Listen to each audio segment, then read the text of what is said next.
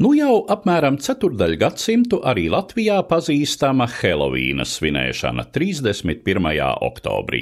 Bērni priecīgi iztaisās spocīgā paskatā un apstaigā kaimiņus, cerot tikt pie kāda našķa.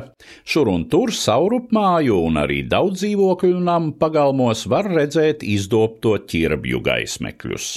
Kā daudzas kristietības un pat vēl senākos priekšstatos sakņotas tradīcijas, arī šī mūsdienās ieguvusi savu popkultūras un komercijas dzinuli, kas tai pēdējā simtgadē ļāvis ieviesties lielā daļā pasaules.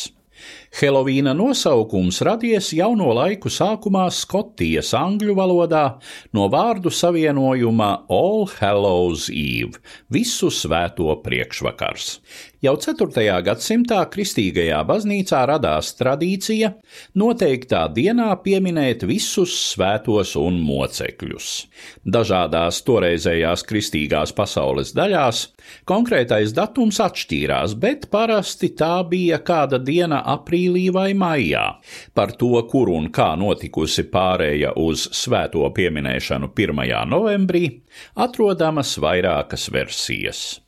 Viena pauž, ka šādu lēmumu pieņēmis kāds no pāvestiem, jo siltajā gada laikā Romā vieglāk izplatījušās sērgas un liels dievlūdzēju pieplūdums uz svētkiem bijis nevēlams.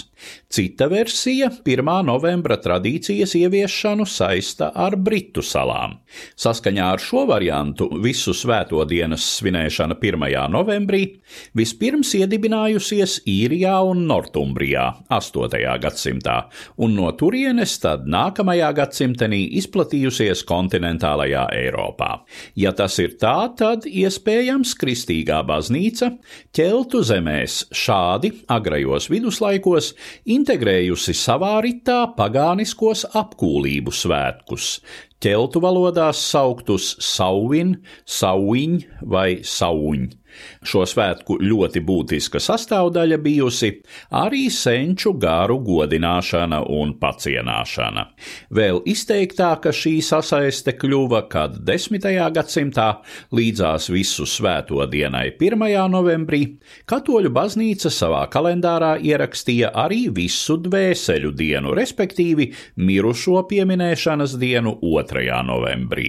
Māju apstaigāšana cienesta iegūšanas nolūkā ieviesusies Britu salās pēc visas spriežot ap 15. gadsimtu. Ubagi un citi trūcīgi ļaudis iegriezušies mājās un piedāvājušies aizlūgt par attiecīgās ģimenes mīļajiem aizgājējiem, kā atlīdzību saņemot vai nu sīknaudas gabalu vai kādu našķi. Bieži tie bija īpaši cepumi, Britu salās saukti par soul cakes, burtiski dvēseļu kūkām. Šādi atlīdzinātai aizlūgšanai bija jāatbrīvo kristīgā dvēsele no šķīstītavas mocībām, un visai izplatīts daudz vietā Eiropā bija arī priekšstats, ka šais svētāmajās dienās dvēseles var izkļūt no šķīstītavas un apmeklēt savējos.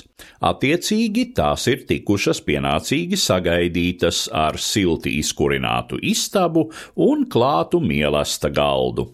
Šādas ieražas pētnieki vēl 19. gadsimtā konstatējuši Tirolē, Bretaņā, pat Parīzē, un tajās, protams, saskatāma nepārprotama radniecība ar vēļu mielošanu, kas piekopta Latvijā vēl pagājušajā gadsimtā un iespējams dažviet notiek joprojām.